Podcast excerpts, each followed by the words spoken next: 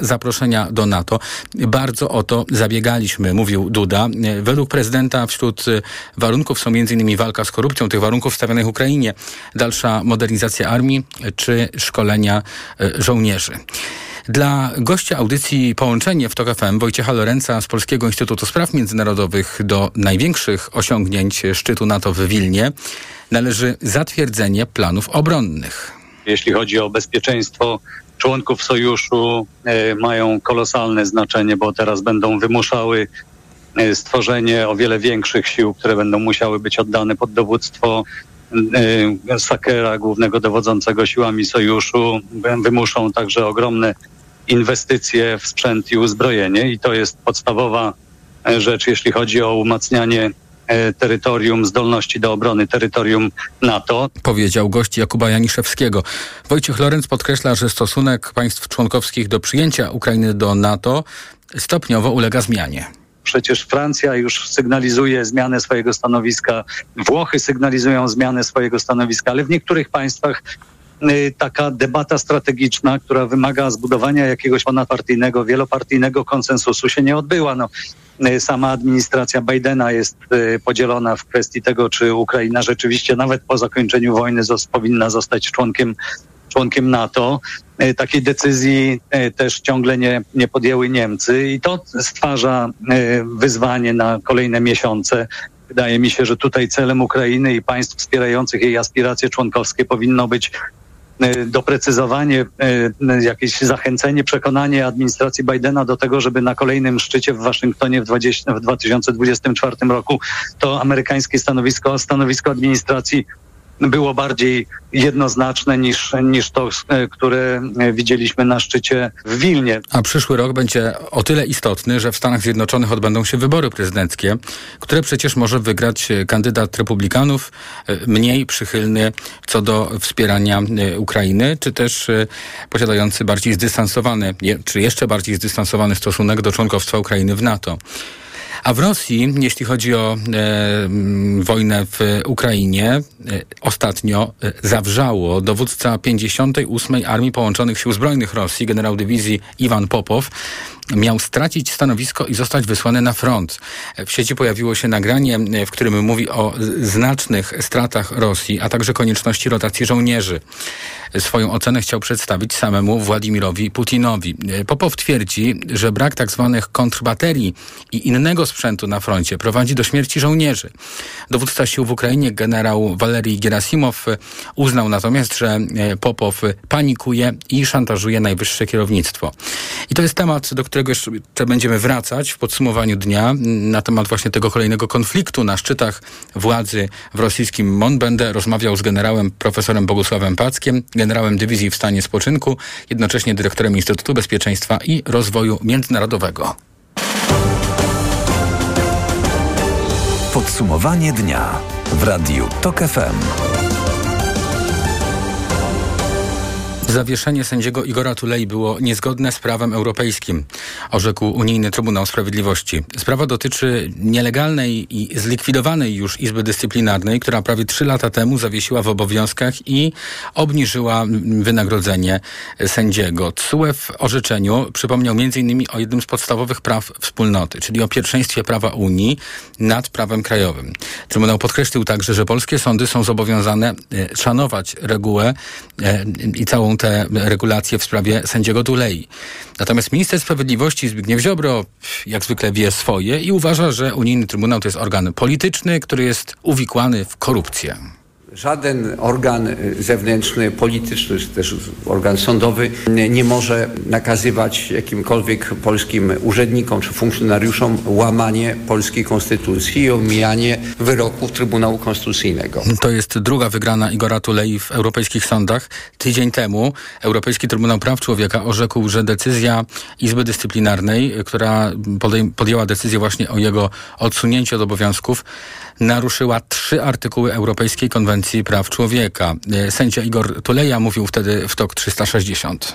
Pamiętajmy o tym, że niestety ta wojna o praworządność, ona ciągle trwa, bo tak naprawdę niewiele się zmieniło i musimy jeszcze wytrwać. No i to orzeczenie sprzed tygodnia, podobnie jak dzisiaj, Ministerstwo Sprawiedliwości zanegowało. Kilkanaście osób manifestowało przed Ministerstwem Zdrowia w sprawie limitów na e-recepty.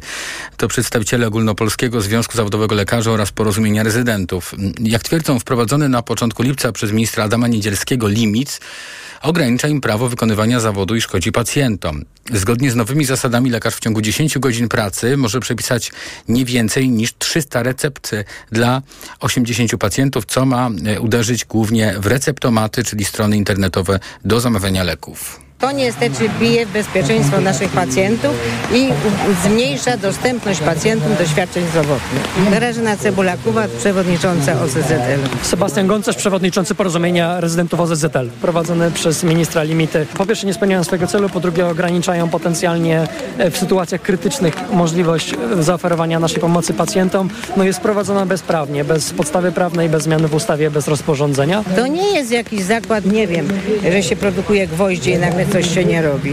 To są jednostki publicznej ochrony zdrowia, gdzie my mamy przed sobą pacjentów i od nas, jak my postąpimy, jak będziemy leczyć, co będziemy robić, ilu przyjmiemy, to od nas zależy życie i zdrowie pacjentów. Według lekarzy wczorajsze wyłączenie spod limitu leków refundowanych y, nic nie daje. W piśmie do ministra lekarze apelują o zniesienie ograniczeń oraz rozwiązanie problemu receptomatów w dialogu ze środowiskiem, jak to ujęli. Resort Zdrowia przekonuje, że nowe zasady już y, efekty, bo niemal wszystkie próby przekroczenia limitu w ostatnich dniach dotyczyły właśnie receptomatów, a nie wizyt stacjonarnych w przychodniach. No właśnie, skoro mówimy o wizytach, e, NFZ zaleca, aby je odwoływać, e, gdy wiemy, że nie damy rady e, pójść do lekarza. Odwoływać po to, żeby nie blokować innym miejsca, nie blokować kolejek. Narodowy Fundusz Zdrowia przyznaje jednak, że bezpośredniego wpływu na to nie ma, bo za kontakt z pacjentami odpowiadają bezpośrednio placówki medyczne. To znaczy, to od placówek medycznych zależy na przykład, czy możemy się po prostu dodzwonić do takiej przychodni, żeby odwołać wizytę. A tą sprawą zainteresował się reporter TOK FM Maciej Szefer. Z danych Narodowego Funduszu Zdrowia wynika, że w pierwszej połowie tego roku na umówione wizyty nie przyszło w całej Polsce ponad 457 tysięcy osób. Fundusz zachęca, aby mimo trudności starać się je odwoływać i przypomina, że jeśli otrzymaliśmy SMS z informacją o terminie, to w jego treści jest kontakt do placówki, który pozwala na odwołanie wizyty mówi Mikołaj Woźniak z Wielkopolskiego NFZ. Natomiast e, w tej sytuacji i w tej chwili nie ma innej możliwości, żeby jakoś to zorganizować. Problem rozwiązałaby centralna rejestracja, ale ta wciąż jest w sferze planów choć w przypadku szczepień działa. Takie rozwiązanie sprawdziło się już i to widzieliśmy w pandemii COVID-19 gdzie na przykład w ten sposób e, umawialiśmy się na szczepienia przeciw COVID. Teraz tak, w taki sam sposób umawiamy się na przykład na szczepienia, umawiamy dzieci na szczepienia przeciw HPV. Pacjenci potwierdzają, że problemy zdarzają się z umówieniem spotkania z lekarzem, dlatego o ewentualnym odwołaniu wizyty pamięta już niewiele osób, mówi pani Wiesława. Nikt nie odbiera telefonów, a z byle powodu się nie odwołuje, tylko człowiek jest chory, nie może. Inna z pacjentek deklaruje, że jeśli wiedziałaby, że danego dnia nie przyjdzie do lekarza, to mimo trudności z dodzwonieniem się próbowałaby odwołać wizytę. Nie odwołuję żadnej. A jakby przyszło odwołać, to jakby pani to rozegrała? No, coś tydzień wcześniej bym odwołała. Niektóre placówki komunikują się z pacjentami SMS-owo, a informacje o rezygnacji z wizyty można do nich wysłać mailem. Z Poznania Maciej Szefer, TOG FM. TOK 360. Ten czwartek to także nowe dowody w sprawie zatonięcia łodzi z migrantami u wybrzeży Grecji, do którego doszło w czerwcu. Wtedy na pokładzie było kilkaset osób. Według BBC Straż Przybrzeżna Grecji naciskała na ocalałych, by obwinili za wszystko egipskich przemytników i zataili udział w zatonięciu, udział greckich służb. Świadkowie twierdzą, że na miejsce wtedy przybyła łódź należąca do greckich służb, e, do której następnie doczopiono przy użyciu liny ten właśnie kuter z migrantami. Podczas prób holowania kuter miał się przewrócić.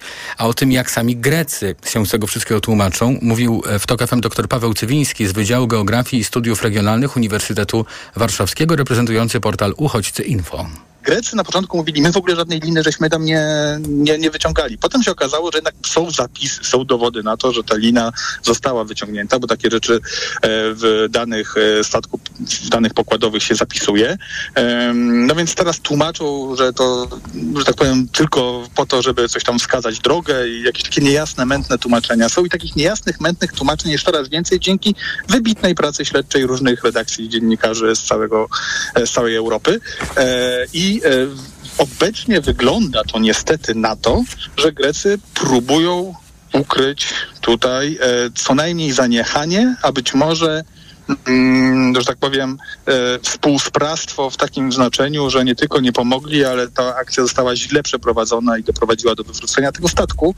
E, za dużo rzeczy nie wiadomo, bo wiemy, że na przykład e, świadkom odebrano telefony komórkowe. E, na tych telefonach były nagrania tej sytuacji. No i do tej pory te osoby, które przeżyły, jakby nie, nie otrzymały z powrotem swoich telefonów. E, więc e, jest bardzo dużo pytań w stronę grecką. E, a odpowiedzi są coraz bardziej mętne i coraz bardziej niestety chyba wskazują na to, że tutaj była próba um, zatuszowania um, właśnie no nie tylko złej reakcji, ale być może e, wręcz drobnego przyczynienia się do tej gigantycznej tragedii. Powiedział gość Agnieszki Lichnerowicz w audycji Światopodgląd. Doktor Cywiński odniósł się także do pogłosek na temat możliwości zerwania przez Unijną Agencję Ochrony Granic Frontex właśnie w związku z tą sprawą współpracy ze Strażą Przybrzeżną Na ile oczywiście tego dojdzie, no to to, to jest, e, to byłoby bardzo poważna decyzja. Ja nie pamiętam, żeby takie decyzje były kiedyś gdzieś e, wobec jakiegoś państwa podejmowane. Natomiast e, samo to wskazuje, że ta grecka wersja wydarzeń jest no, niewiarygodna nie tylko dla dziennikarzy, ale również dla e, innych instytucji, które są odpowiedzialne za e, ochronę morza. E, bo miejmy świadomość, to nie jest tak, że Frontex nic o tym nie wie. Frontex nie uczestniczył, bo nie został poproszony. Natomiast Frontex, jednym z głównych zadań Frontexu jest monitorowanie sytuacji. W związku z tym Frontex ma mnóstwo danych, które pokazują e, stan faktyczny. E, ma swoje własne satelity, ma swoje własne e, statki, kutry, lornetki i tak. Ale nie wiadomo, czy ostatecznie mm, wykorzysta te dane właściwie przeciwko Grecji do takiego e, zerwania współpracy dojdzie. E, o ratowaniu życia migrantów mowa jest w przyjętej dzisiaj przez Parlament Europejski Europejskiej rezolucji. Parlament domaga się, aby Unia Europejska i państwa członkowskie prowadziły bardziej aktywne i skoordynowane operacje poszukiwawczo-ratownicze migrantów, przy czym e, kluczową rolę e, powinna odgrywać w tym właśnie wspomniana już agencja graniczna Frontex. Co najmniej 87 ciał, m.in. kobiet i dzieci, odnaleziono w zbiorowej mogile w Darfurze w zachodnim Sudanie. Organizacja Narodów Zjednoczonych zaapelowała o szybkie i dokładne śledztwo w tej sprawie, bo e, według organizacji zwłoki zostały zakopane na rozkaz dowódców sił szybkiego wsparcia RSF, e, które walczą z wojskiem Sudanu. O niepoliczalnych ofiarach konfliktu, a także o stosunku państw Zachodu do sytuacji w tym kraju mówiła w TOK FM dr Marta Nowakowska z Wydziału Zarządzania Politechniki Wrocławskiej. Zachodu ten Sudan absolutnie nie interesuje. Myślę, że zainteresuje w momencie dużej migracji z Sudanu, co już następuje i, i no i ci Sudańczycy czy osoby z krajów ościennych e, dotrą na, na zachód, dotrą do Europy, będą szukać. E, I w tym momencie zacznie się mówienie o tym, że był konflikt w Sudanie. Nieważne, że to jest to konflikt, który łamie całkowicie postanowienia e, prawa humanitarnego, e, bo giną przede wszystkim cywile tak? To, to trzeba podkreślić. Um, konflikt, który ma zupełnie inny charakter niż konflikt na Ukrainie, gdzie Ukraina funkcjonuje mimo wojny. E, no, szkoły są otwarte, szpitale działają, mm, transport działa, tak, są przerwy w dostawie prądu, a tutaj mówimy o Sudanie, gdzie e, wszystkie szkoły są zamknięte, wszystkie uczelnie są zamknięte, szpitale są pozamykane, bo nie działają. E, nie ma e, prądu, nie ma wody, nie ma żywności, banki są zamknięte, więc tak naprawdę kraj przestaje funkc- przestał funkcjonować mówiła rozmówczyni Jakuba Janiszewskiego. W odróżnieniu od zachodnich państw na tę sytuację, chociaż oczywiście w niewystarczający sposób, reagują kraje Afryki Wschodniej, Kenia czy Egipt, zaznaczała nasza gościni. Ja bym to nazwała reagowaniem pozornym.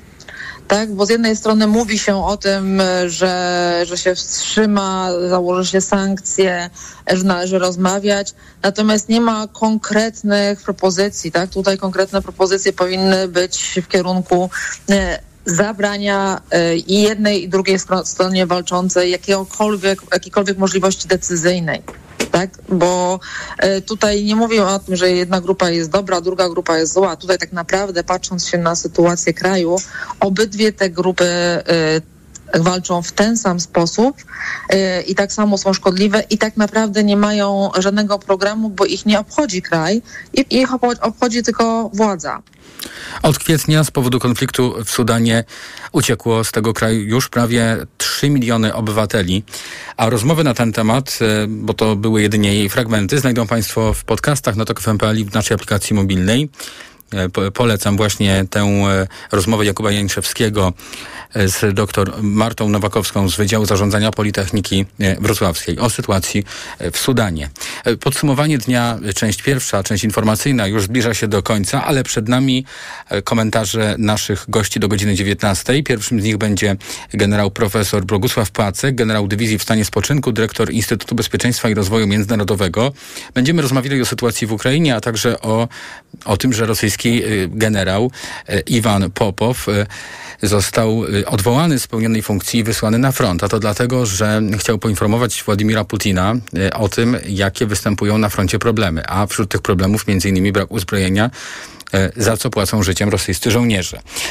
Później Michał Janczura, dziennikarz Radia Tok FM, który opowie nam o e, leczeniu boreliozy w medycznym podziemiu. Właśnie podziemie, tak e, zatytułowany jest e, nowy cykl, który Michał Janczura przedstawi w rozmowie z nami w podsumowaniu dnia, a później połączenie z Londynem. Stanisław Skarżyński, korespondent Gazety Wyborczej, będzie nam relacjonował strajki młodych lekarzy, no i oczywiście będę pytał, co jest ich powodem. Podsumowanie dnia w Radiu TOK FM. Teraz sprawdzamy, co za oknami.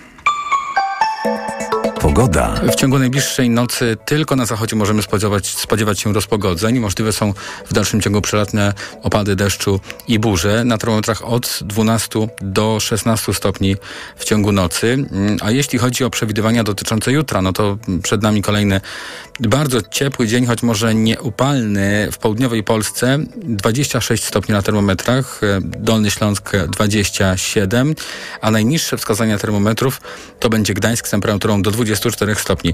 Pochmurno z przejaśnieniami w całym kraju. Radio TOK FM. Pierwsze radio informacyjne. Reklama. Od 10 lat mam Ducato. Kupiłem jako nowe. Mam jeszcze inne dostawczaki, ale ten jest najbardziej wytrzymały. Prawdziwy wół roboczy. Teraz wszystkie modele dostawcze Fiata Professional dostępne są w leasingu dla firm od 102%. Sprawdź w salonach lub na fiatprofessional.pl. Aha, czyli u Pani dyskomfort przy oddawaniu moczu nawraca? Tak, Pani doktor. I to dosyć często, chociaż biorę leki. Leczenie to podstawa, ale tu bardzo ważna jest również specjalistyczna higiena intymna. Proszę kupić w aptece Iladian Uro. Iladian Uro? Tak, specjalistyczny żel kosmetyczny. Iladian Uro myje, pielęgnuje i w konsekwencji chroni układ moczowy. Dziękuję. W takim razie zamienię swój żel na Iladian Uro. Iladian Uro, higiena i ochrona. Dziś na wyborcza.pl. Frankowiczu, chcesz się procesować z bankiem? Jak wybrać kancelarię? Jaki jest koszt procesu? Ile potrwa? Jaką premię trzeba zapłacić za wygraną? Poradnik dla frankowiczów, którzy chcą procesować się z bankiem. Dziś na wyborcza.pl. Kaśka, to ty? Tak. Ale schudłaś. Stosujesz jakąś dietę? Nie, stosuję tabletki na wątrobę Hepa Slimin. Zobacz, wątroba spisuje się wspaniale i jem wszystko, choćby czekoladę. Widzę, że Hepa Slimin wspomaga też utrzymanie smukłej sylwetki. To tylko taki słodki dodatek. Przecież ja nie muszę się odchudzać. Pewnie, że nie. To ja też będę brać Hepa Slimin. Chcesz mieć słodkie życie bez diety? Chcę mieć zdrową wątrobę. Suplement diety Hepa Slimin w trosce o wątrobę i smukłą sylwetkę. Mate pomaga w utrzymaniu prawidłowej masy ciała, a cholina wspiera funkcjonowanie wątroby. Aflofarm. Reklama. TOK 360 Dowódca 58. Armii Połączonych Sił Zbrojnych Rosji, generał dywizji Iwan Popow, e, miał stracić stanowisko, e, a także został wysłany na front. A e, to jest konsekwencja jego wypowiedzi. W sieci pojawiło się nagranie, w którym mówił o znacznych stratach Rosji i konieczności rotacji żołnierzy. Chciał o sytuacji na froncie powiedzieć samemu Władimirowi Putinowi. Te informacje będziemy komentować teraz razem z generałem profesorem Bogusławem Packiem, generałem dywizji w stanie spoczynku, a jednocześnie dyrektorem Instytutu Bezpieczeństwa i Rozwoju Międzynarodowego. Dzień dobry, witam w Radiu Tok FM. Dzień dobry. Jak pan to odczytuje? To znaczy, co sytuacja, ta historia generała Popowa mówi o tym, yy, o relacjach w, w rosyjskim MON? Ona mówi e, mniej o relacjach, ona mówi o stanie rosyjskiej armii. To jest potwierdzenie tego wszystkiego, o czym e, mówił Prigorzyn, o czym e, najpierw meldował, później się awanturował, aż skończyło się marszem na Moskwę, bo Iwan Popow mówi to samo. Mówi o tym, że e, brakuje amunicji, że brakuje środków pola walki, że nie są przestrzegane podstawowe zasady sztuki wojennej i wreszcie w momencie, kiedy poprosił o zrotowanie wyczerpanych wojną swoich żołnierzy 50 8 Armii ze względu na duże straty, ze względu na długi czas przebywania w strefie wojennej został zdymisjonowany. E, to jest e, zaskoczenie z jednej strony, ponieważ ta dymisja została e, przeprowadzona przez doświadczonego żołnierza, generała Waleria Gerasimowa, szefa sztabu generalnego, który dowodzi tą operacją.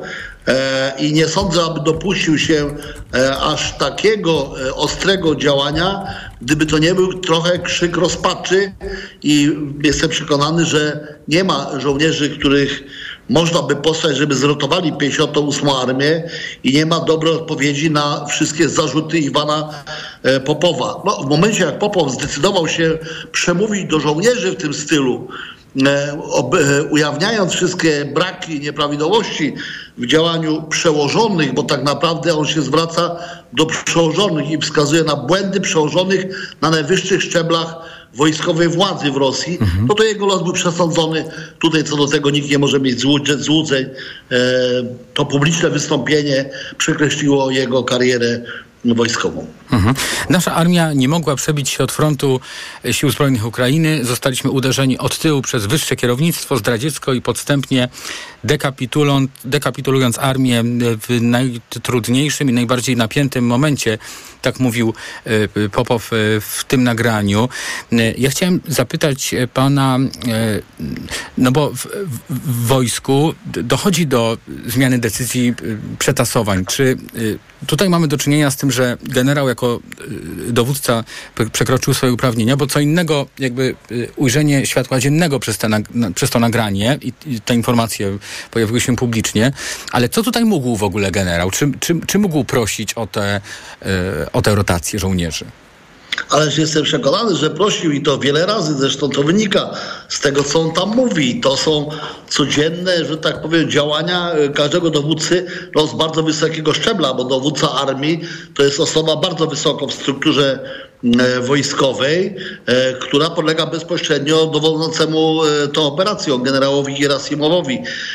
To jest coś, co nie nazywam, czego nie nazywam niesubordynacją ponieważ dowódca w takiej sytuacji, kiedy jego wyżsi przełożeni bezmyślnie ryzykują życiem żołnierzy, ma jedno wyjście tylko powiedzieć to uczciwie żołnierzom, zdając sobie sprawę z tego, że za chwilę zakończy mhm. służbę, że będzie zdymisjonowany, bo Popow musiał sobie z tego zdawać sprawę. Popow mówił prawdę, podobnie jak no, przestępca E, ale e, także szczery do bólu e, Prigorzyn w tym, co mówił do Szojgu. Ja mam potwierdzenie tego stanu armii z rozmów z profesorem Ponomariowem. Profesor Władimir Ponomariow, dysydent, który przebywa w Polsce, i świetnie mówi zresztą po polsku. On e, zna e, bliżej armię rosyjską i mówi jeszcze gorzej niż to, co ukazuje się z kolejnych tych komunikatów. Mówi o tym, że jest to armia kompletnie rozłożona e, i to, co się stało, te wielkie zmiany po 90 roku w armii rosyjskiej, po 91 roku, dosłownie doprowadziły do takiego stanu jak tu, że po prostu mm, e, dochodzi do finału właśnie takiego, że dowódca armii staje przed żołnierzami, pokazuje błędy przełożonych, pokazuje wysyłanie na śmierć e, swoich podwładnych e, i poddaje się, bo to jest jednoczesne poddanie się e, Iwana Popowa mhm. I koniec naszego jego działania. 58. Armia jest określana jako jedna z najsilniejszych jednostek nacierających na tych kierunkach Melitpol i Tomak. To skoro tam jest tak dramatyczna sytuacja, że dowódca ryzykuje swoją karierę, występując z takimi apelami, czy, czy, czy tak alarmując, to w jaki sposób to świadczy w ogóle o siłach rosyjskich na froncie? Siły rosyjskie są zróżnicowane. Nie można wszystkiego mierzyć jedną kartą. Ogólnie rzeczywiście to jest kompromitacja. I tutaj e, Popow, jestem przekonany, że e, mówi prawdę. Ale Rosjanie przeważają w tej wojnie liczbowo. E, mają ogromne w porównaniu do Ukraińców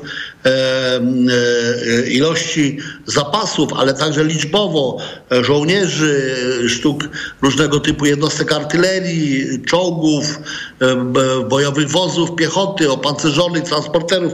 Tego wszystkiego mają dużo i mają większe możliwości jednak odtwarzania tych zdolności, zarówno przez produkcję.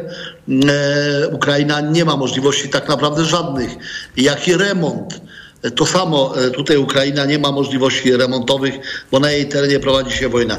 Więc e, armia rosyjska, gdyby prezentowała chociażby średnie zdolności europejskie, no to z całą pewnością Ukraińcy nie mieliby żadnych szans, nawet przy wsparciu Zachodu na takim poziomie, na jakim je obserwujemy. Natomiast jej słabość jakościowa e, no, powoduje, E, powoduje, że Ukraińcy przy wsparciu z Zachodu no, stają e, na równi, e, jak równy z równym wobec Rosjan. Mhm. Prezydent Joe Biden w Finlandii powiedział dzisiaj: Nie sądzę, by wojna mogła trwać latami, nie sądzę, by Rosja była w stanie ją przeciągać. Mówił też o Prigorzynie, stwierdził, że my nie wiemy, gdzie on jest, że amerykański wywiad nie ma takich informacji. Jakby, jakby pan to skomentował? Ja mam, e, e, ja mam bardzo mieszane uczucia po tym szczycie NATO i te wszystkie komentarze, e, one też wytwarzają jeszcze dodatkowy chaos. Pierwsza kwestia to jest taka, że na szczycie NATO zabrakło jednak myślenia, że Ukraina nie wygra tej wojny, jeżeli wsparcie Zachodu nie będzie dostosowane do tego, co czyni Ukraina i jak walczy Ukraina, czyli jeżeli Zachód nie będzie się stosował do zasad sztuki wojennej. Tego nie widać. Zachód wykazuje wiele dobrej woli, przekazuje pieniądze, przekazuje uzbrojenie. Tego nie można negować. Ale to jest robione albo tak zwaną metodą kropelkową i nie jest zachowywana zasada systematycznego dostarczania amunicji, uzbrojenia, przywracania zdolności uzbrojeniu, które jeszcze jest możliwe do wykorzystania i tak dalej. Na wojnie nikt nie czeka. To nie jest e, restauracja, w której można poczekać pół godziny na deser albo drugie danie. Tam przeciwnik w tym czasie, kiedy brakuje nam amunicji czy czegokolwiek, po prostu zabija i uzyskuje przewagę. I takiego myślenia nie ma po stronie e, Zachodu. Pomimo licznych prób koordynacji, nie ma koordynacji wśród państw zachodnich co do dostarczania tego wsparcia wojennego szczególnie. I w związku z powyższym te słowa, które pan cytuje, no dla mnie niewiele oznaczają, ponieważ co to znaczy, że że wojna nie trwała latami. To, to ma, czekamy aż się Putin zmęczy. No słowa Joe Bidena niestety, przeze mnie często wychwalanego, ale tym razem niestety brzmią podobnie. No kiedyś Putin się zmęczy i kiedyś Putin zrozumie i tak dalej. No jeżeli Zachód będzie czekał na to, aż się Putin zmęczy albo kiedy on zrozumie, że należy wyjść, no to ja bym nie był optymistą, kiedy ta wojna się zakończy, bo ona może się zakończyć za parę lat przy takim myśleniu. Rosja to duże państwo o dużych zasobach i o duże wytrzymałości społeczeństwa, które potrafi znieść w trudnych warunkach znacznie więcej niż wiele społeczeństw zachodnich. W związku z powyższym to nie jest dobra droga. Jeżeli mhm. powiedziało się Ukrainie pomagam, powiedziało się na początku tej wojny, mhm. nie można jej teraz zostawić e, na, na, na poziomie gdybania kiedyś to się skończy albo kiedyś się nie skończy. Tylko trzeba uczestniczyć ramię w ramię we wspieraniu, bo jeżeli nie, no to Tak, aby zakończyć jak najszybciej. Mhm. Złe. E, Jeszcze chciałem pana, pana właśnie dopytać o kwestię Prigorzyna, o którym wspomniał e, Joe Biden, że nie wiadomo, gdzie on jest. Wall- Street Journal dzisiaj po południu też e, informuje o tym, że co najmniej 13 oficerów wysokich rangą zostało zatrzymanych, zaś 15 zawieszonych w ramach czystki po buncie Prigorzyna. W, Jakby pan podsumował t- e, to już w tej chwili? Czy ostatecznie to jest dla rosyjskiego dyktatora Władimira Putina sytuacja zwycięska, czy mimo wszystko jest osłabiony? On jest osłabiony, ale wiele wskazuje na to, że on może wyjść z tego zwycięsko, bo e, dzisiaj on oczyszcza przed pole. Jeżeli zatrzymał 28 generałów, to nawet na warunki rosyjskie to jest bardzo dużo. Są tam ludzie bardzo bliscy e, Putinowi. Jest wiceminister, e, generał, jest Surowikin, który, Siergiej Surowikin, który dowodził tą operacją, e, dobrze znany Putinowi z działania w Syrii. E, Są inni bardzo ważni generałowie. Jeżeli e, uda się Putinowi dokonać takiej czystki, a jednocześnie wystraszyć, zdyscyplinować armię rosyjską, no to zdecydowanie może wyjść z tego zwycięski. To samo jeżeli chodzi o Prigorzyna. Nikt nie pozwoliłby sobie, nie tylko Putin, na to, żeby u boku armii wyrastała prywatna armia najemników 20 tysięcy, którzy zaczynają sami wyznaczać sobie cele i sami sobie wyznaczać kolejne posunięcia. Niezależnie od tego, że Prigorzyn miał wiele racji co do bałaganu w rosyjskiej armii i tego, że nie dostała tam podstawowych środków pola walki, no to jednak e, e, e, Putin e, zdaje sobie sprawę z tego, że e, wyrósł mu wrzód e, na własnym organizmie i z tym wrzodem trzeba coś zrobić. Ale ten wrzód nie jest łatwy do wycięcia, a poza tym to jest nie do końca wrzód, bo szkoda takiego tworu, który może zaszkodzić innym. Ten wrzód może być przeniesiony po to, żeby zaszkodził innym. Nie przywiązuje się do tych informacji, że oni nie będą na Białorusi, czy że będą jeszcze gdzieś, ponieważ jest chaos medialny i co drugi dzień e, i komentujemy je od ściany do ściany. To jest bez sensu. Poczekajmy. Natomiast jeżeli by się znaleźli na terenie Białorusi, to niezależnie od tego, czy to będzie szkolenie białoruskich sił, czy to będzie jakieś inne zadanie, to na pewno to nie będzie decyzja Prigorzyna ani Łukaszenki, to będzie decyzja Putina, który póki co panuje mocno i w Rosji, i w Białorusi. Jest osłabiony, ale nie na tyle, żeby musiał się martwić o swoje losy. Natomiast z polskiego punktu widzenia każdy e, jeden Wagnerowiec na terenie Białorusi e, zwiększa zagrożenie dla naszego państwa i jego lekceważyć nie można, bo to są najemnicy o umiejętnościach żołnierzy specjalnych, a kilkuset takich żołnierzy może stanowić zagrożenie dla jest- państwa, a co dopiero kilkadziesiąt tysięcy. Mhm, To już jest poważne zagrożenie. Bardzo dziękuję. Generał profesor Bogusław Pacek, generał dywizji w stanie spoczynku, dyrektor Instytutu Bezpieczeństwa i Rozwoju Międzynarodowego był razem z nami. Za chwilę Michał Janczura, dziennikarz Radia Tok FM, z którym będę rozmawiał o nowym serialu dokumentalnym Borelioza i leczenie, które szkodzi podziemie. Tak zatytułowany jest ten serial.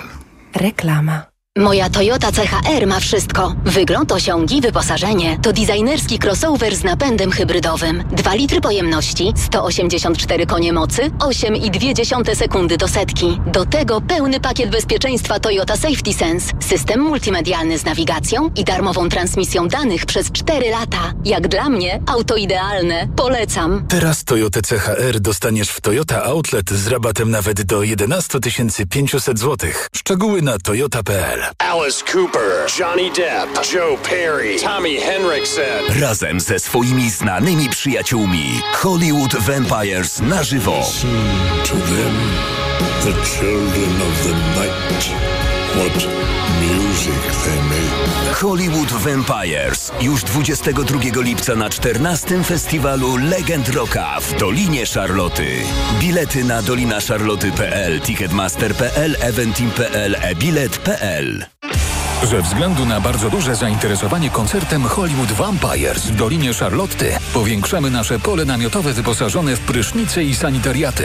Zapraszamy od 20 do 24 lipca. Rezerwacja małpa charlotta.pl Dlaczego zmieniłam tabletki na wątrobę i stosuję Proliver Cardio? Bo poprzednie tylko chroniły wątrobę, a Proliver Cardio również stymuluje pracę układu pokarmowego. Proliver nie tylko wspomaga wątrobę, ale również wspiera odtruwanie. I dodatkowo Proliver Cardio wspiera zdrowe serce. Suplement diety ProLiver Cardio. Zdrowie wątroby i serca. Dostępny również ProLiver plus Magnes. Aflofarm. Wyciąg z liści karczocha wspiera funkcjonowanie przewodu pokarmowego, wątroby, wydzielanie soków trawiennych oraz detoksykację organizmu. Wyciąg z ostryżu długiego wspiera funkcjonowanie serca. Usłysz zaczepne chrup, chrup, chrupanie. Tak brzmi chrapka na odkrywanie. Wszyscy plotkują w ekscytacji. Familijnych czas nastał wakacji. Na familijne.pl wskocz, łap stery. Kręć globusem po kasę na podróże i vouchery. Familijne. Mus je odkrywać, żeby wygrywać. O kurcze! Skurcze potrafią pojawić się niespodziewanie podczas aktywności fizycznej, po dużej dawce używek czy w czasie snu. Sięgnij po Neomax Skurcz. Najchętniej wybierany przez Polaków produkt dedykowany osobom zmagającym się ze skurczami. Suplement diety Neomax Skurcz zawiera nie tylko magnez i witaminę B6, ale także potas wspierający prawidłową pracę mięśni. Neomax Skurcz pozwala cieszyć się ruchem i nie myśleć o skurczach. Neomax Skurcz. Więcej niż magnez. Aflofarm. Dziś na wyborcza.pl. Frankowiczu, chcesz się procesować z bankiem? Jak wybrać kancelarię? Jaki jest koszt procesu? Ile potrwa? Jaką premię trzeba zapłacić za wygraną? Poradnik dla frankowiczów, którzy chcą procesować się z bankiem. Dziś na wyborcza.pl. Nawet nie zdajemy sobie sprawy, ile rodzajów grzybów powoduje grzybice stóp. Dermatofity, drożdżaki, pleśnie i wiele innych. Lecząc grzybice, sięgnij po Steper Pro. Steper Pro zapewnia prawidłowe leczenie grzybicy dzięki wyjątkowo szerokiemu działaniu na różne rodzaje grzybów. Steper Pro. Szerokie spektrum leczenia grzybicy. To jest lek. Dla bezpieczeństwa stosuj go zgodnie z ulotką dołączoną do opakowania i tylko wtedy, gdy jest to konieczne. W przypadku wątpliwości skonsultuj się z lekarzem lub farmaceutą. 1 gram kremu zawiera 10 mg glifonazolu. Wskazania. Miejscowe leczenie zakażeń grzybiczych skóry wywołanych przez dermatofity, drożdżaki, pleśnie i inne gatunki grzybów. Aflofarm. Reklama. TOK 360. Podsumowanie dnia w Radiu TOK FM. Podziemie, tak zatytułowany jest nowy serial dokumentalny. E, serial TOK FM, który na tokfm.pl można już znaleźć. Michał Janczura i Michał e, Tobolewski opisują historię pacjentów, e, którzy są e, leczeni na e, boreliozę, ale w sposób, który jest, no nie wiem, nieuczciwy, tak chyba należałoby to przede wszystkim nazwać. Michał Janczura, dziennikarz Radia Tok FM jest już teraz razem ze mną, razem z Państwem. Witaj Michale. Dzień dobry. No właśnie, o czym to jest? O czym jest ten serial, który, którego początkiem jest właściwie historia pani Karoliny, nauczycielki, która zaczęła mieć problemy ze zdrowiem? Poruszyłeś ten temat w taki sposób, że ciężko to w jednym zdaniu określić, więc ja pozwolę sobie poczynić, jeżeli mi pozwolisz, Wojtek, taki mały wstęp. Po pierwsze, chcę zaznaczyć, że to nie jest tylko o boreliozie. Po drugie, to jest tak, że choroby y, zakaźne, choroby pochodzące także od kleszczy istnieją, są realnym zagrożeniem, natomiast y, tutaj będę cytował ekspertów. To jest tak, że współczesna medycyna sobie z nimi radzi i jeżeli są, jest odpowiednia diagnostyka, jeżeli jest odpowiednie leczenie, to one nie stanowią jakiegoś większego zagrożenia i trochę pewne rzeczy są wyolbrzymione. Zresztą ja od razu Państwa odsyłam na tokfm.pl ukośnik podziemie.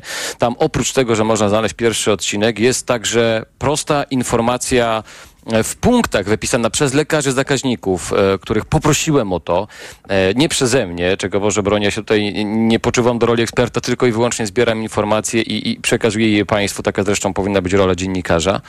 E, natomiast, natomiast tam jest w punktach e, kilkunastu opisane, e, co się dzieje, jeżeli mamy tę nieprzyjemność, że znajdujemy u siebie kleszcza, jak wtedy postępować, jak nie panikować, a przede wszystkim w co nie dać się wmanewrować, bo o tym jest właśnie serial Podziemie. Otóż do tego, co medycyna od dawna zna, opisuje, została dorobiona pewnego rodzaju ideologia, a może trochę taka podszywka pod e, biznes, który się na tym, e, na tym e, rozwinął. Okazuje się, że no właśnie, istnieje takie boreliozowe e, podziemie, choć to ja znowu mówię tutaj taki duży cudzysłów bierzemy z tego względu, że jak, to, jak to wnikamy, to okazuje się, że nie tylko o boreliozę chodzi, ale także o inne choroby. Niektóre nigdy nie były przez kleszcze przenoszone, jak na przykład bartonelloza, też są temu e, przypisywane. I w tym podziemiu, do tego podziemia trafiają ludzie, e, którzy mają różnego rodzaju problemy No właśnie, e, zdrowotne. Historia pani Karoliny, którą opisujesz, to jest historia pacjentki, której coś jest, ale nie do końca wiadomo co i Przez kilka lat jest moment, kiedy ona natomiast- mhm. trafia do tego podziemia, to jest ten moment, kiedy jest bezradna, trafia na Facebooka wysiłkową grupę i y, ludzie w tym podziemiu wykorzystują tę bezradność. No to jest właśnie bardzo częsty scenariusz. To znaczy, jeżeli e, medycyna, ta nazwijmy to akademicka, oparta na dowodach, e, ma problemy z diagnostyką, nie jest w stanie jednoznacznie określić, czy na przykład jakieś problemy neurologiczne wynikają z tego czy z tego. E, bardzo często są to nakładające się na siebie. Nie mówię teraz akurat o przy, przykładzie pani Karoliny, ale znamy takie przypadki. Bardzo często niektóre choroby, objawy niektórych chorób są mylone. Zdarza się, że na przykład pierwsze objawy stwardnienia rozsianego są mylone także z e, boreliozą. Tutaj to już oczywiście odsyłam. Wiele wypowiedzi też lekarzy na naszej antenie w podcastach Państwo możecie na ten temat e, znaleźć. Natomiast e, problem polega na tym, że w podziemiu stworzono cały system przekonywania tych, którzy mają problemy, że to właśnie borelioza. W dodatku tam wymyślono też pewien sposób postępowania, to znaczy nie stosuje się tych zasad, które wynikają właśnie z podręczników akademickich, czyli jeżeli mamy stwierdzoną e, boreliozę, czyli testy serologiczne poparte także takim badaniem e, pacjenta i występującymi objawami, to stosujemy jeden antybiotyk przez określony czas, tam jest od kilkunastu do kilkudziesięciu dni, nie dłużej niż tam 28 dni, to już naprawdę w takich dość poważnych przypadkach. Natomiast w podziemiu kto, takie stowarzyszenie, taka, taka grupa e, e, lekarzy mówiąca, nazywająca się, określająca się mianem ILAC, czyli ludzi, którzy właśnie no, są związani z tą chorobą e, z Lyme, bo tak jest określona borelioza w tym obiegu międzynarodowym. Oni wymyślili, że borelioza tej zwykłej antybiotykoterapii sobie się nie poddaje i e, jest w stanie przetrwać w naszym organizmie. Oczywiście e, żadne badania tego nie potwierdzają, naukowe, wiarygodne, mhm. które byłyby takimi badaniami stricte klinicznymi. E, I e, w związku z tym, że oni tak twierdzą, no skoro ta borelioza się nie poddaje, no to trzeba ten antybiotyk stosować e, dłużej. Tylko nie chodzi o to, żeby go stosować tydzień, dwa tygodnie dłużej, tylko bardzo często tutaj mówimy o antybiotykoterapii kilkuletniej i to takiej mieszanki antybiotyko, antybiotykowej. Do, do tego dochodzą jeszcze suplementy. Stąd nawet mm, tytuł pierwszego odcinka, 40 tabletek dziennie, to jest rzeczywiście 40 tabletek mhm. dziennie, które przez blisko dwa lata łykała pani Karolina.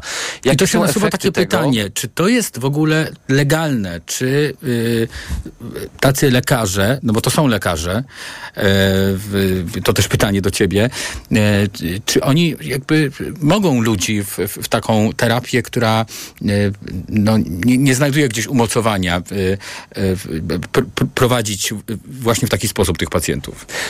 E, e, Wojtku, no ja e, odpowiem oczywiście przewrotnie, jak to im zabroni, tak? Oczywiście są odpowiednie organy Izby Lekarskiej. Widzę już po pierwszych reakcjach, że Izba się tym tematem zainteresowała. Pytanie, dlaczego dopiero teraz? Bo wiemy, że ten temat w środowisku, nie ogólnie, ale w środowisku jest znany od dawien dawna. Natomiast no, warto sobie postawić tak brzmiące pytanie. Dlaczego lekarze którzy kończą studia medyczne, z, e, kończą potem staż e, i bardzo często kończą specjalizację, mogą nam, mają prawo wypisywać recepty, mają prawo właśnie ordynować te antybiotyki. Ano dlatego, że uczyli się przez tyle lat, by stosować tą wiedzę, którą nabyli. Natomiast tą wiedzę, którą stosują lekarze ILAC, e, tej wiedzy nie znajdziemy na studiach medycznych, bo tego się tam nie uczy, tego nie ma, bo po prostu to nie jest wiedza oparta na e, dowodach. Mhm. Więc e, de facto no, ktoś, można powiedzieć, wykorzystuje to, że ma tytuł lekarza do stosowania niesprawdzonych metod. W dodatku ja chcę jasno podkreślić, bo to też pojawi się, już trochę wyprzedzę fakty w kolejnych odcinkach naszego serialu, które będą się pojawiały co tydzień, to nie jest, drodzy Państwo, tak, że jeżeli ktoś łyka te antybiotyki przez rok, dwa lata, a zdarzają się przypadki naprawdę, i ja, tu, ja sobie tego nie wymyślam, że pacjenci łykają te antybiotyki całymi garściami po pięć lat, bardzo często pod tym ukrywają się różne groźne e, choroby, które nieleczone się e, rozwijają, no i potem jest oczywiście problem. Natomiast mhm. tu bardziej też chodzi o to, że poprzez to, taką antybiotykoterapię, poprzez takie stosowanie tych leków, po pierwsze no, hodujemy groźne bakterie. Wszyscy mówimy, lekarze, wszyscy ostrzegają przed bakteriami odpornymi na antybiotyki. To już znamy, ale też wprost mówią mówią lekarze, że mm, są w stanie ci pacjenci wyhodować e, u siebie bakterie, które im nie zrobią krzywdy, ale zrobią krzywdę tym, którzy obok nich e, żyją. E, tutaj to już odsyłam do drugiego odcinka. Dokładnie wytłumaczył nam to jeden z profesorów e, medycyny, jak to, jak to działa, jak bardzo to jest niebezpieczne tak, także dla całego e, społeczeństwa. E, natomiast no, ten serial pokazuje wiele rzeczy. Po pierwsze, to jest zarzut ogólnie do środowiska e, medycznego, bo to pokazuje, że to, że w tym podziemiu ci lekarze, którzy tam są, są dostępni, mają czas dla pacjentów, tym przyciągają, tym przekonują do siebie, tym uwiarygadniają swoje też e, terapie i pacjenci mówią wprost, no tam się nami zaopiekowano, tam nam e, okazano No, to jest takie zainteresowanie. mm, To jest- to jest- opowieść to- jest- o, o, tak. o słabościach naszej ochrony zdrowia, że, że Wielowątkowy pacjent, y, problem, który, który rzeczywiście Jasne. nie ogniskuje się tylko i wyłącznie na, na prostym e, e, mechanizmie. Natomiast e, to, co warto podkreślić, są ludzie, którzy na tym zarabiają ogromne e, pieniądze. Ten mechanizm też jest wytłumaczony już w pierwszym odcinku. Polecam Państwu, no bo żeby to odcinek. zrozumieć, to naprawdę trzeba tego e, e, wysłuchać. Nie da się tego w dwóch słowach opowiedzieć. Już teraz jest na TOK FM.pl, Podziemie, tak zatytułowany jest e, cykl. Michał już powiedział trochę o drugim odcinku, za co Ci dziękuję. A także na TOK FM.pl jest poradnik dla pacjentów, to znaczy jak z tą borylozą postępować. I to jest też wartościowa rzecz przy tej okazji. Bardzo Ci dziękuję. Michał Janczura, dziennikarz Radia TOK FM był razem z nami. Za chwilę połączenie z Londynem. Stanisław Skarżyński, korespondent Gazety Wyborczej, opowie nam o strajku młodych lekarzy.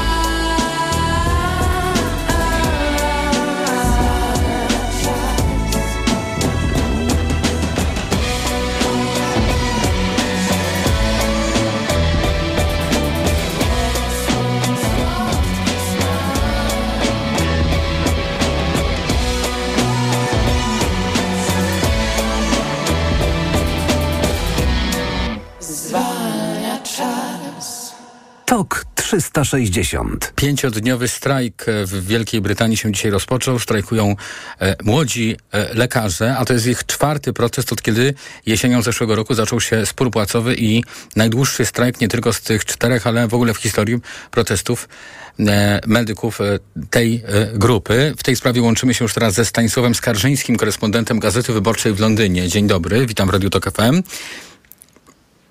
Dzień dobry, dobry wieczór.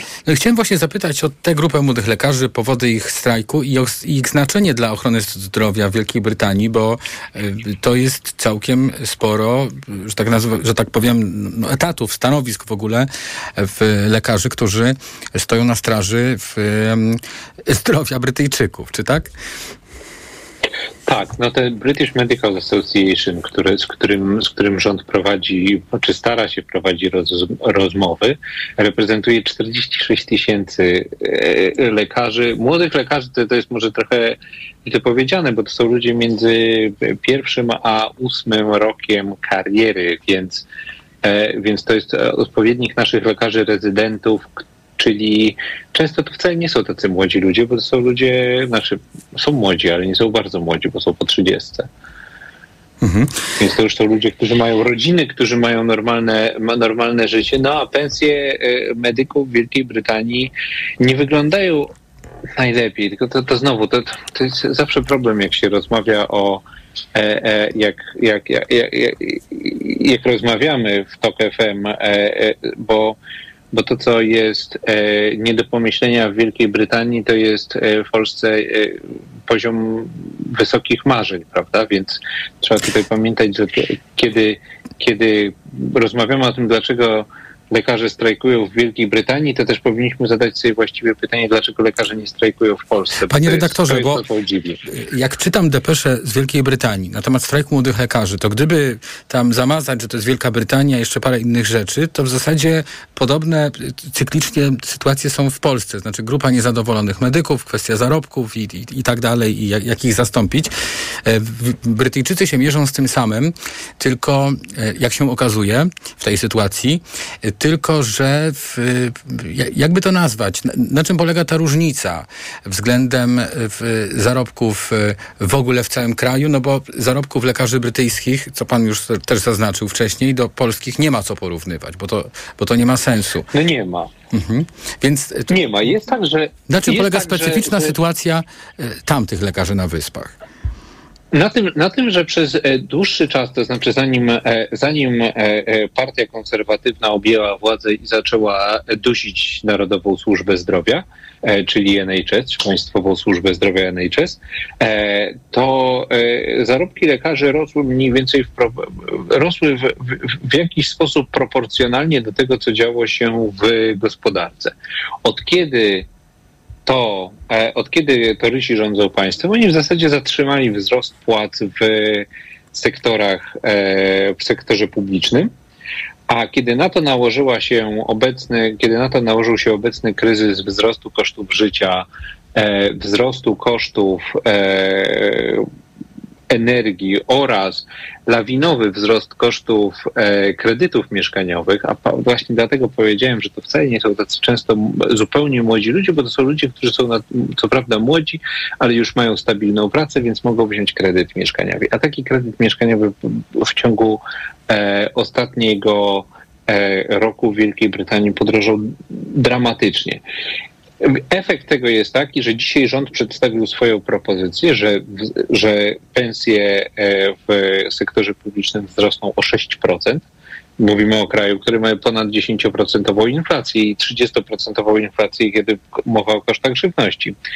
Natomiast oczekiwania e, BMA, czyli tego British Medical Association, to jest 35%. Więc ten rozdźwięk jest na tyle duży, że że wygląda na to, że tutaj nie będzie porozumienia i ten strajk będzie się A jakie to przełożenie ma w tej chwili na życie Brytyjczyków? Czy w związku z tym protestem są takie obrazki w brytyjskich mediach, kiedy to pacjenci po prostu odchodzą z kwitkiem, nie mają pomocy? Czy, czy to nie jest ten etap? Czy, czy w ogóle nie ma takiej groźby? Nie no, to, to od, kiedy, od, kiedy, e, od kiedy zaczęły się te strajki i to w Wielkiej Brytanii, znaczy od pandemii, brytyjska służba zdrowia nie jest w stanie nadążyć za kolejką. E, mamy obecnie 4 7,5 miliona ludzi czekających na rozmaite te procedury medyczne w Wielkiej Brytanii, a w związku z, ze strajkami lekarzy, pielęgniarek e, i innego, innych osób pracujących w służbie zdrowia odwołanych zostało 600 tysięcy rozmaitych e, e, zaplanowanych spotkań, czy to są wizyty, e, konsultacje specjalistów czy operacje, tak? Więc to w bardzo dużej mierze przyczynia się do tego, że Brytyjczycy mają poczucie na rok przed wyborami, bo to jest ważne, że że rząd nie radzi sobie z kryzysem w służbie zdrowia i wskazują to jeden obok Brexitu, obok sytuacji gospodarczej jako jeden z głównych problemów do rozwiązania dla rządu, a rząd nie ma na to pomysłu. A konkurenci, którzy mogą wygrać e, wybory, e, w, e, mają na to pomysł, który by się obronił ekonomicznie? Na koniec jeszcze pana zapytam. To jest bardzo dobre e, pytanie. To znaczy, Partia Pracy tradycyjnie ma, e, ma służbę zdrowia e, bliżej, że tak powiem, centrum swoich, swoich zainteresowań. E, ten ostatni rząd, e, znaczy da, dawno, to już było dawno temu, bo przed, przed 2010 rokiem e, rządy Partii Pracy rzeczywiście bardzo potężnie NHS dofinansowały i Partia Pracy zapowiada, że skieruje więcej pieniędzy i więcej ludzi do, do służby zdrowia. No natomiast to jest trochę właśnie, to, to, to jest trochę takie pytanie jak, e, e, jak w Polsce, tak? To znaczy, że po wyborach przyjdzie ten moment, kiedy będzie trzeba zobaczyć, ile w tej kasie zostało, bo e, bo, bo, bo partia rządząca wydaje, wydaje. Plany trzeba będzie zweryfikować. Bardzo dziękuję. E, Był z nami Stanisław Skarżyński z Gazety Wyborczej. E, e, To było połączenie z Londynem, e, a to było także podsumowanie dnia w Radio Tok FM. TOK 360. Program przygotowała i wydawała Maria Andrzejewska. Audycję realizował Adam Szuraj. Ja nazywam się Wojciech Muzal i bardzo Państwu dziękuję za dzisiaj. Do usłyszenia.